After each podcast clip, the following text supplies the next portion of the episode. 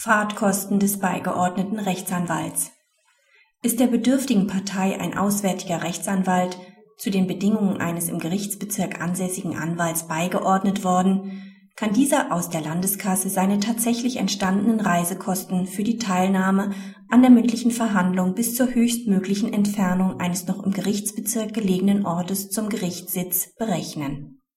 Im Verfahren vor dem VG Oldenburg wurde der in Hannover ansässige Anwalt Entfernung zum Gericht 150 Kilometer zu den Bedingungen eines im Gerichtsbezirk ansässigen Anwalts beigeordnet. Die Partei wohnte in Brake, Entfernung zum Gericht 35 Kilometer. Nach Abschluss des Verfahrens beantragte der Prozessbevollmächtigte unter anderem die Festsetzung seiner Reisekosten. Dabei legte er nicht die Entfernung Hannover-Oldenburg zugrunde, sondern eine fiktive Entfernung von 110 Kilometern, die der höchstmöglichen Entfernung eines noch im Gerichtsbezirk liegenden Ortes bis zum VG Oldenburg entsprach.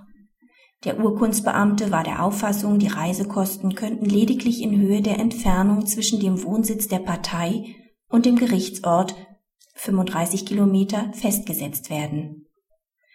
Das VG hat die Reisekosten antragsgemäß festgesetzt. Durch die Beiordnung eines nicht im Gerichtsbezirk niedergelassenen Anwalts dürfen keine Mehrkosten entstehen. Daher ist ein nicht im Gerichtsbezirk ansässiger Anwalt eingeschränkt beizuordnen, es sei denn, die bedürftige Partei hätte nach 121 Absatz 4 ZBO auch einen Anspruch auf die Beiordnung eines Verkehrsanwalts, der dadurch erspart würde. Ein solcher Fall war hier nicht gegeben.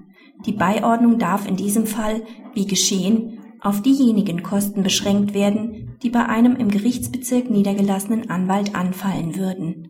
Einem im Gerichtsbezirk ansässigen Anwalt sind seine Reisekosten aber immer zu ersetzen, auch wenn er seine Kanzlei nicht am Gerichtsort unterhält, sondern außerhalb. Eine Handhabe, einem im Gerichtsbezirk ansässigen Anwalt einschränkend beizuordnen, gibt die ZBO nicht her. Im Gegensatz zur Brago enthält das RVG auch keine Einschränkung mehr, wonach die Landeskasse Reisekosten nicht zu tragen hatte, die dadurch entstanden, dass der Anwalt seine Kanzlei zwar noch im Gerichtsbezirk, aber nicht am Sitz des Gerichts hat. Die bedürftige Partei hat vielmehr das Recht, sich aus dem gesamten Gerichtsbezirk einen Prozessbevollmächtigten zu wählen, mag dieser auch seine Kanzlei am entferntesten Ort im Bezirk haben.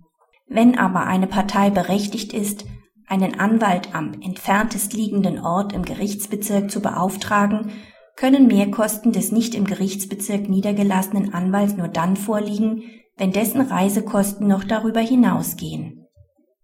Praxishinweis für die Übernahme der Reisekosten eines Anwalts außerhalb des Gerichtsbezirks durch die Landeskasse gilt danach Folgendes. Ist der Anwalt uneingeschränkt beigeordnet worden, sind seine Reisekosten in voller Höhe zu übernehmen.